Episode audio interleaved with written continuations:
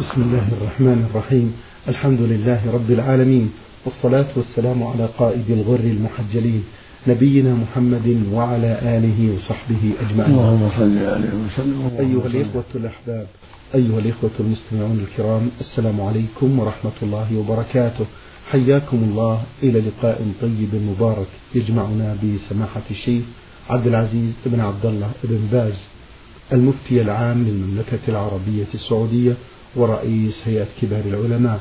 مع مطلع هذا اللقاء أرحب بسماحة الشيخ عبد العزيز. أهلا ومرحبا. حياكم الله وبارك فيكم. الله يحييك وسماحة الشيخ. ما شاء الله.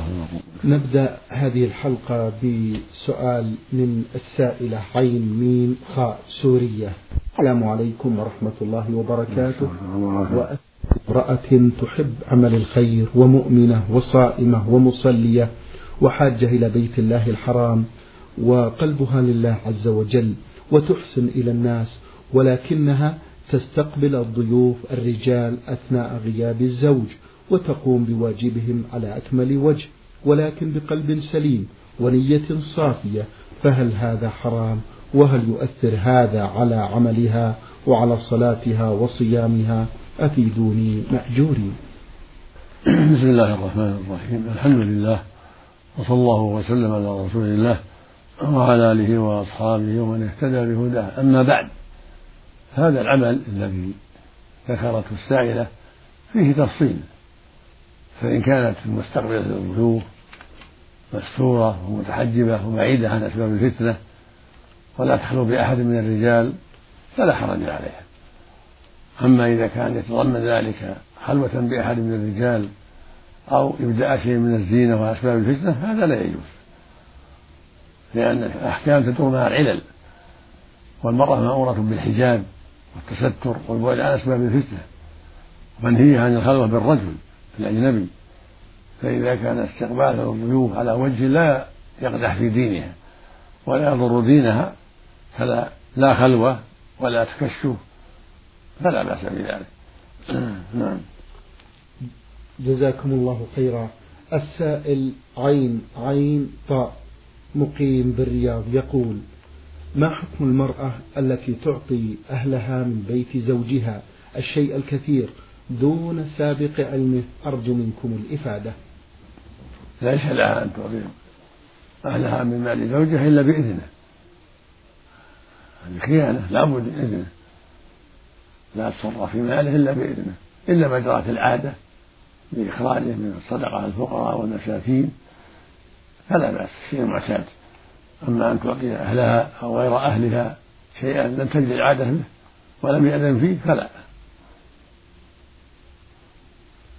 بارك الله فيكم. السائل يقول ما حكم المرأة أيضا التي تسب أهل الزوج وخاصة والديه أمامه؟ هل يقوم بتطليقها؟ نرجو منكم الإفادة. يلزمه أن ينصحها ويحذرها من هذا العمل. وله أن يؤدبها بشيء لا يضر حتى ترجع عن هذا العمل وتدع هذا العمل. فإن هذا منكر ظلم فليس لها سبهم ولا يعجل بالطلاق لا يعجل بالطلاق لكن يعالج الموضوع بالحكمة بالنصيحة والتوجيه والتأديب المناسب. لعلها ترتدع. نعم. هذه رسالة وصلت من السودان. الطيب موسى يقول لنا مسجد جوار المقابر بحوالي خمسين متر. فأحد المصلين امتنع عن الصلاة في هذا المسجد نسبة للحديث الذي يقول لا تجعلوا مساجدكم مقابر نرجو منكم الإفادة. إذا كان المسجد في أرض ليس فيها قبور وبينه وبين القبور فاصل طريق أو جدار فلا بأس الحمد لله. المقابر لا تتخذ مساجد يقول النبي صلى الله عليه وسلم لعن الله اليهود والنصارى اتخذوا قبور انبيائهم مساجد ويقول صلى الله عليه وسلم لا تصلوا إلى القبور ولا تجلسوا عليها فإذا كان خارجا عن المقبرة وليست قبلته بل بينه وبينها جدار أو طريق فلا حرج في ذلك. هذه السائلة أختكم عين دال ميم الباحة بلاد زهران تقول هل يحرم على المرأة التي في الحداد أن تلبس الساعة في يدها جزاكم الله خيرا؟ تركها أحوط من باب الاحتياط من باب قوله صلى الله عليه وسلم دع ما يجيبك من ما لا يجيبك لأنها تشبه الحلي. في الساعة في اليد وهي وهي في الإحداد تشبه الحلي فالأحوط لها تركها لأنها تشبه الخصر وأشباه ما يلبس في اليد. من أسورة وغيرها. نعم. تقول هذه السائلة سماحة الشيخ هل من حرج على من أخذ مرجعه لينام وجعل المصحف خلفه أو كان يصلي وأثناء السجود تكون رجلاه منصوبتان أمام المصحف وجزاكم الله خيرا؟ لا يضر كون رجلاه ممدودة قدام والمصحف أمامه أو عن يمينه أو شماله لا يضر لكن لا يجعله خلفه. لا يجعله خلفه هذا نوع من الاستهانة. إلا إذا كان في محلات مرفوعة دواليب مرفوعة لا يضر ذلك. أما يتعمد جعل خلفه في الأرض أو في دولاب أو في محل واطي خلفه فلا لا تكفر ذلك. لكن عن يمينه أو شماله أو أمامه ولو مد الرجل لا يضر. جزاكم الله خيرا. تقول سماحة الشيخ في أحد أسئلتها هل أخذ الأموال على الاشتراك في مسابقات القرآن الكريم فيه شيء محظور وجزاكم الله خيرا؟ مسابقة القرآن فيها خير عظيم فإذا أعطوا مساعدة في حفظ ما تيسر من القرآن أو في استنباط الأحكام وأخذ الفوائد هذا من باب الأجرة من باب التشجيع. هذا لا بأس به. بل هو من باب الجعالة لا حرج في ذلك. نعم. هذا السائل الذي لم يذكر الاسم في هذه الرسالة يقول إذا مات المسلم وأدخل في القبر فهل ترد عليه روحه؟ وهل يأتيه الإخوان أو إخوانه الموتى ويسألونه, ويسألونه عن أحوال أهليهم وذويهم؟ أفيدونا بالتفصيل نفع الله بعلمكم.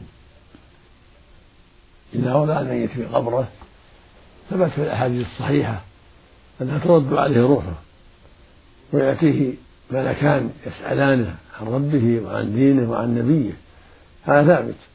أما اجتماعه بأهله فلا, فلا أصل في الأحاديث الصحيحة. إنما الثابت أنه ترد عليه روحه حتى يسأل. وهي حياة مرزخية ليست من جنس حياة أهل الدنيا بل هي حياة خاصة. يعقل بها ويفهم ما يسأل عنه. فيثبت الله على الإيمان ويضل الله الظالمين. نعم. هذا السائل من الرياض عبد الرحمن يقول أرجو الإجابة على سؤالي. ما مدى صحة الحديث النبوي الذي قال فيه صلى الله عليه وسلم من لعب بالنرد فقد عصى الله عز وجل وما هو النرد النرد آلة من آلات الملاهي الحديث ثابت. قد عصى الله ورسوله. فهو في بعض الروايات فكأنما صبغ يده بدم خنزير بلحم خنزير ودمه. فهو لعبة لا أعرف تفصيلها لكنه من آلات الملاهي نعم. السائلة عين دال ميم تقول ما على من حاضت أثناء الصلاة هل تقطع صلاتها وتقضيها بعد طهرها أم تكمل صلاتها؟ من نزل بها الحيض وهي تصلي تبطل صلاتها مثل من خرج من البول وهو يصلي تبطل صلاته. لكن الحائض ليس عليها قضاء وإن قضت فلا بأس. ليس عليها قضاء الصلاة التي نزل الحيض عليها فيها. فإن قضتها بعد الطهر فلا حرج. وإنها لا يلزمها ذلك إلا إذا كانت أخرتها حتى ضاق الوقت فإنها تقضيها. أما إذا كانت على في وسط الوقت أو في أوله فلا تقضيها. نعم. هذا السائل من الطائف أبو فيصل يقول سماحة الشيخ بأنه قبل ثلاثة أعوام حلف على زوجته بكلمة الحرام. بكلمة الحرام بأنك لو فعلت كذا وكذا لن تسافري إلى أهلك وقد فعلت ذلك الأمر. يقول ولنسيان الحلف بالحرام فقد سافرنا إلى أهلها وقد تكرر ذلك الأمر منها مرتين وتكرر أيضا مني الحلف بالحرام. أرجو من فضيلتكم التوجيه. أعيد السؤال. يقول قبل ثلاثة أعوام حلفت, حلفت على زوجتي بكلمة الحرام بأنك لو فعلت كذا وكذا لن تسافري إلى أهلك وقد فعلت ذلك الأمر. ولنسيان الحلف بالحرام فقد سافرنا إلى أهلها. ولنسيان؟ يقول نعم. ولنسيان الحلف بالحرام فقد سافرنا إلى أهلها. وقد تكرر ذلك الأمر منها مرتين وتكرر أيضا مني الحلف بالحرام أرجو من فضيلتكم التوجيه. إذا كان السفر عن نسيان فلا شيء. يقول الرب جل وعلا ربنا لا تؤاخذنا إن نسينا وأخطأنا وثبت عن الرسول فإن الله جل وعلا قد فعل. فالناس لا شيء عليه.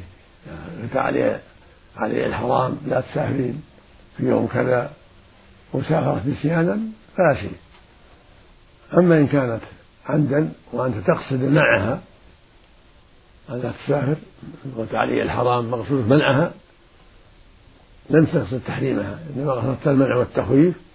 فهذا فيه كفارة اليمين إطعام عشرة مساكين أو كسوتهم أو عتق رغبة فمن عجز صام ثلاثة أيام إذا كان المقصود التخويف والمنع والتحريم.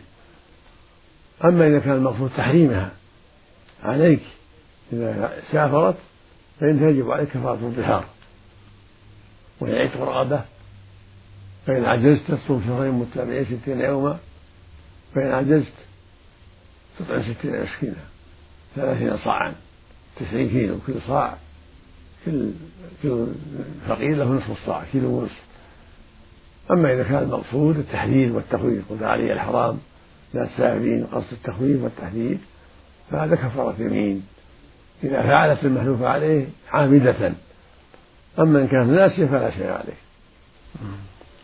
السائلة أم خلود يوجد لديها بعض الأسئلة تقول هل لبس الملابس الضيقة بعض الشيء يكون الصدر مفتوح ويكون الكم هل تقول هل لبس الملابس الضيقة بعض الشيء مثلا يكون الصدر مفتوح ويكون الكم قصير وتلبس بين النساء هل عليها إثم بهذا اللبس وينطبق عليها قول الرسول صلى الله عليه وسلم كاسيات عاريات مائلات مميلات؟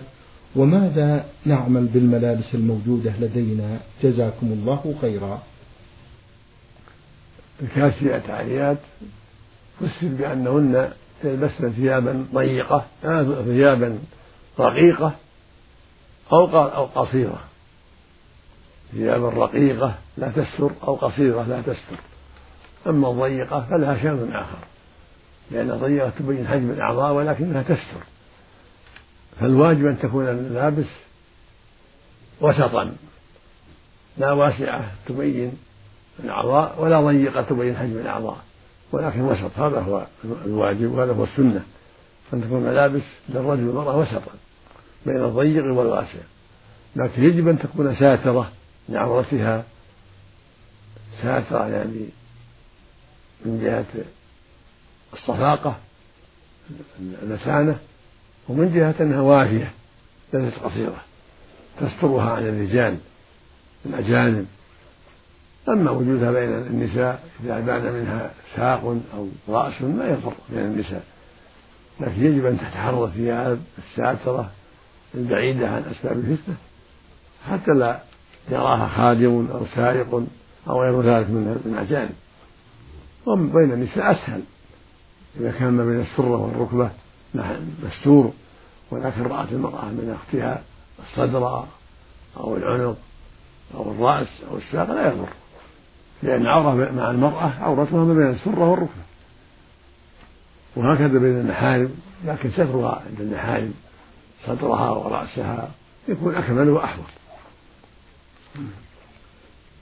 جزاكم الله خير سماحة الشيخ.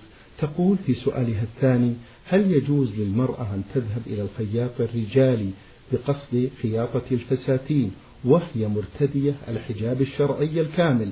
فهل هي آثمة في ذلك؟ علما بأن الخياط الرجالي أقل تكلفة من الخياط من الخياط النسائي أفيدوني مأجوري. لا حرج. إذا سلمت في الخياطة مع التستر لا حرج. لا يلمسها ولا ينظر إليها تعطي شيء مفصل مضبوط لا حرج في ذلك. يكون يلبسها يقص عليها اللباس أو تكشف لها عن شيء من من بدنها هذا لا يجوز. نعم. السائل محمد إسماعيل يقول سؤالي الأول زوج وزوجة. الزوج فقير جدا والزوجة غنية. هل يجوز إعطاء زكاة أموالها لزوجها؟ في خلاف بين أهل العلم والصواب أنه يجوز لحديث مسعود.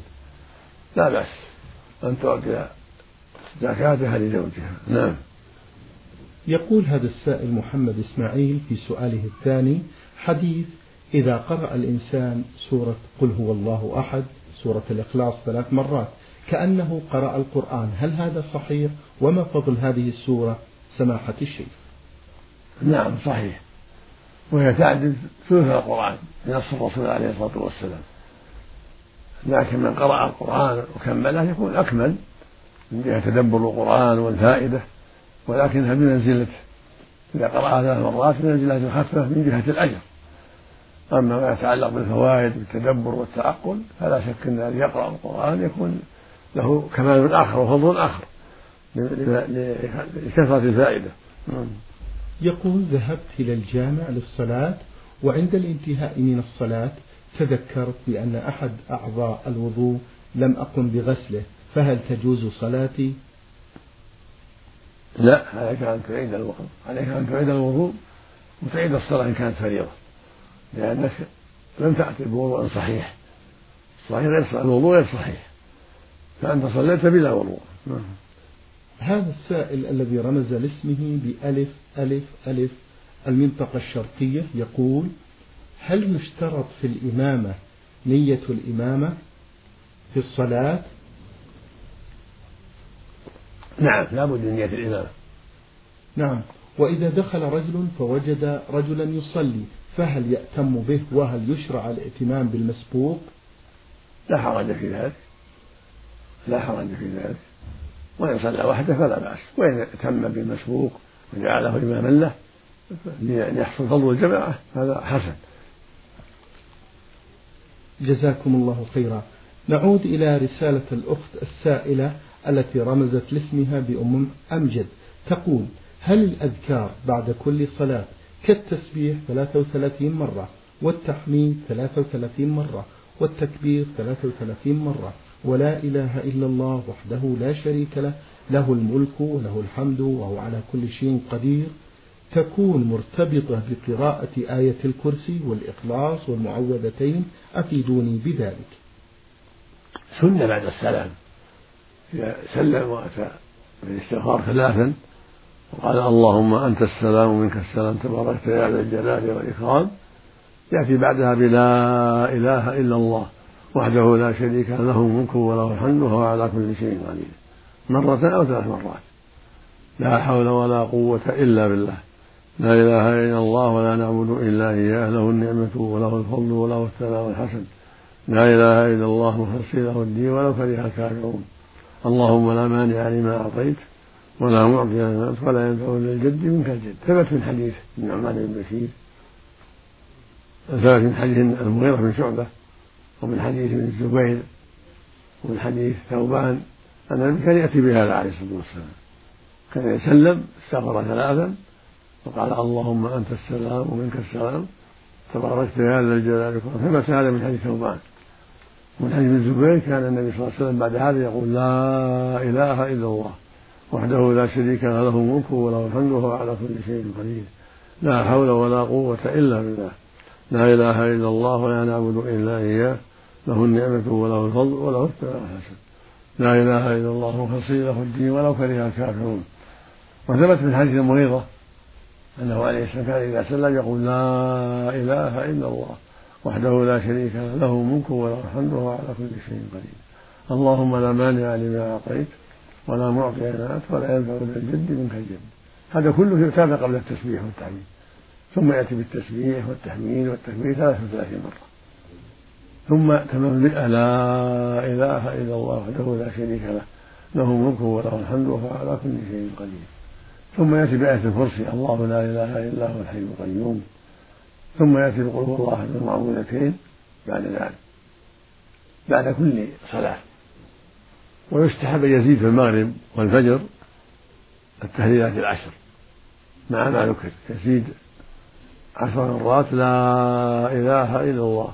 وحده لا شريك له له الملك وله الحمد يحيي ويميت وهو على كل شيء قدير عشر مرات بعد المغرب وبعد الفجر قبل أن يأتي بالتسبيح والتحميد إلى آخره نعم. جزاكم الله خيرا سماحة الشيخ. من السودان هذا السائل الذي رمز لاسمه بدال ألف عين. يقول سؤالي الأول من جهز ميت وهو عليه جنابة فما الحكم في ذلك؟ جزاكم الله خيرا. لا حرج لا حرج في ذلك. الحمد لله. نعم. سؤاله الثاني يقول ما حكم تربيع اليدين في الصلاة؟ ما حكم إيش؟ ما حكم تربيع اليدين في الصلاة؟ لا لم أفهم معنى التربية. السنة في الصلاة أن تكون يدي أن تكون يداه على صدره حال القيام وفي الجلوس على فخذيه أو على ركبتيه.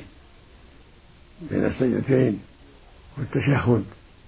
وعند السجود على الأرض يعتمد على كفيه على الأرض حيال منكبيه أو حيال أذنيه. وحال الرفع عند الركوع يرفعهما حيال منكبيه أو حيال أذنيه عند الرفع من الركوع. وعند التكبير وعند الإحرام وعند الركوع يرفع يديه حيال منكبيه أو حيال أذنيه.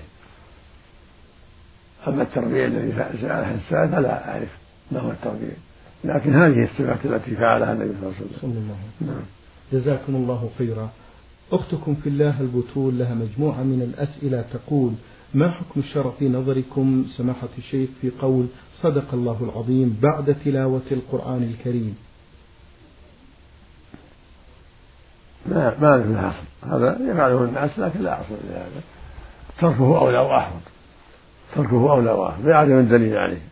لم يذكر عن النبي صلى الله عليه وسلم ولا عن الصحابة أنهم كانوا يفعلون هذا إذا قرأوا على النبي صلى الله عليه وسلم أو فيما بينهم. نعم. تقول في سؤالها الثاني كيف أجد حلاوة الإيمان؟ بالإقبال على الله والعناية بالعبادة وإحضار القلب فيها وتذكر عظمة الله وإحسانه تذكر الجنة والنار والموت كل هذا من أسباب وجود حلاوة الإيمان. والتلذذ بالمناجاة من النظر. والتلذذ بالقراءة والدعاء. عند استحضار عظمة الله وعند استحضار ذهاب هذه الدنيا وأن العبد صائر إلى ما قدم من خير وشر. عند استحضار الإنسان هذه الأمور وعند استحضار عظمة الله وأن الله يطلع عليه ويراقبه يحصل له. لا يحصل له الخشوع نعم.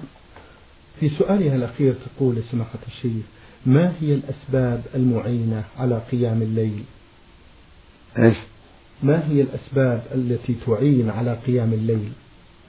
الأسباب في قيام الليل كثيرة. منها تذكر الآخرة وما للقيام الأجر العظيم وأن الله أثنى عليهم سبحانه وتعالى.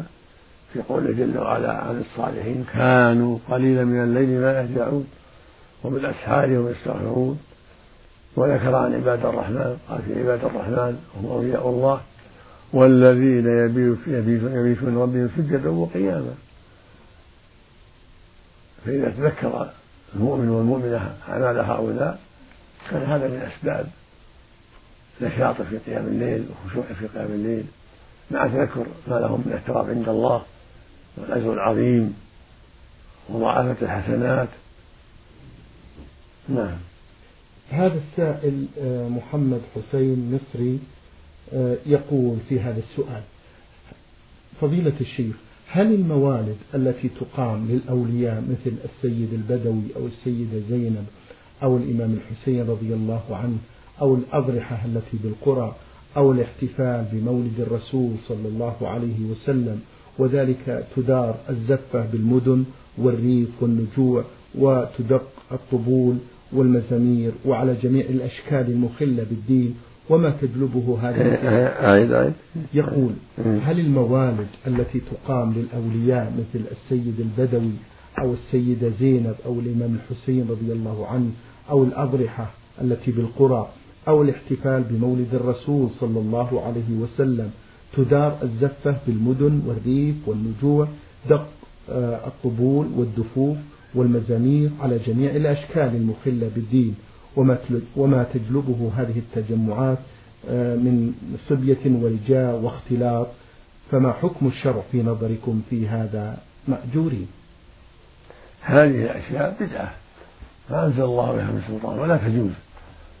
احتفال بالموالد سواء مولد النبي صلى الله عليه وسلم أو مولد البدوي أو الحسين أو غيرها. كلها بدع لا يجوز الاحتفال بها. لم يفعلها النبي صلى الله عليه وسلم ولا صحابته رضي الله عنهم فهي من البدع وما يقع فيها من الآلات الملاهي والطبول واختلاط الرجال بالنساء منكر آخر منكرات أخرى. كلها يجب منعها. والواجب أن يسعى الناس ما وسع النبي صلى الله عليه وسلم وأصحابه. فيدعى الميت يزار يدعى له من غير احتفال بمولده. تزار القبور يدعى لأهلها بالمغفرة والرحمة. أما أن يوجد احتفال بالسنة أو بغير السنة أو بالشهر أو بالسنتين بالمولد هذا كله منكر لا أصل بل هو من البدع التي أحدثها الناس ومن أسباب الشرك. فإن هذه الاحتفالات من أسباب الغلو في المحتفل به حتى يدعى من دون الله حتى يستغاث به وربما تمسح الناس بقبره وطافوا به. هي شر تجر إلى شرور كثيرة نسأل الله العافية.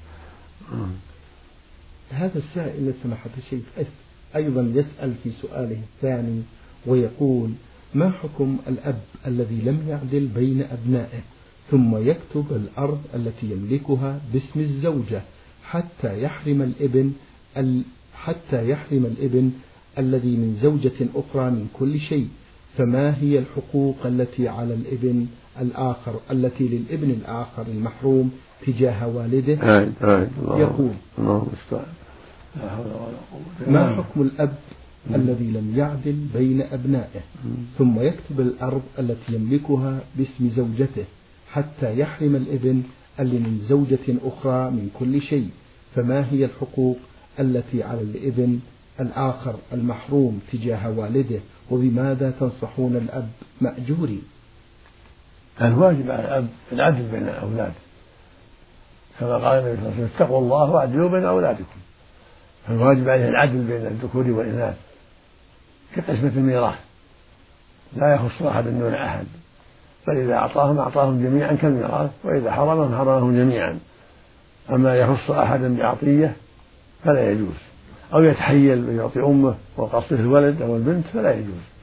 أما إذا خص الزوجة بشيء ليس حيلة تقديرا لجهودها وأعمالها الطيبة فلا بأس.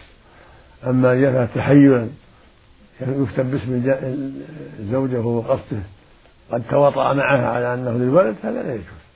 الحيل التي تحرم ما أحل الله أو أو تحل ما حرم الله كلها باطلة. نسأل الله العافية. شكر الله لكم من سماحة الشيخ. وبارك الله فيكم وفي علمكم ونفع بكم المسلمين. أيها الإخوة الأحباب أيها الإخوة المستمعون الكرام أجاب عن أسئلتكم سماحة الشيخ عبد العزيز بن عبد الله بن باز المفتي العام للمملكة العربية السعودية ورئيس هيئة كبار العلماء. شكر الله لسماحته على ما بين لنا وشكرا لكم أنتم أيها الإخوة الأحباب. وفي الختام تقبلوا تحيات زميلي مهندس الصوت فهد العثمان والسلام عليكم ورحمة الله وبركاته.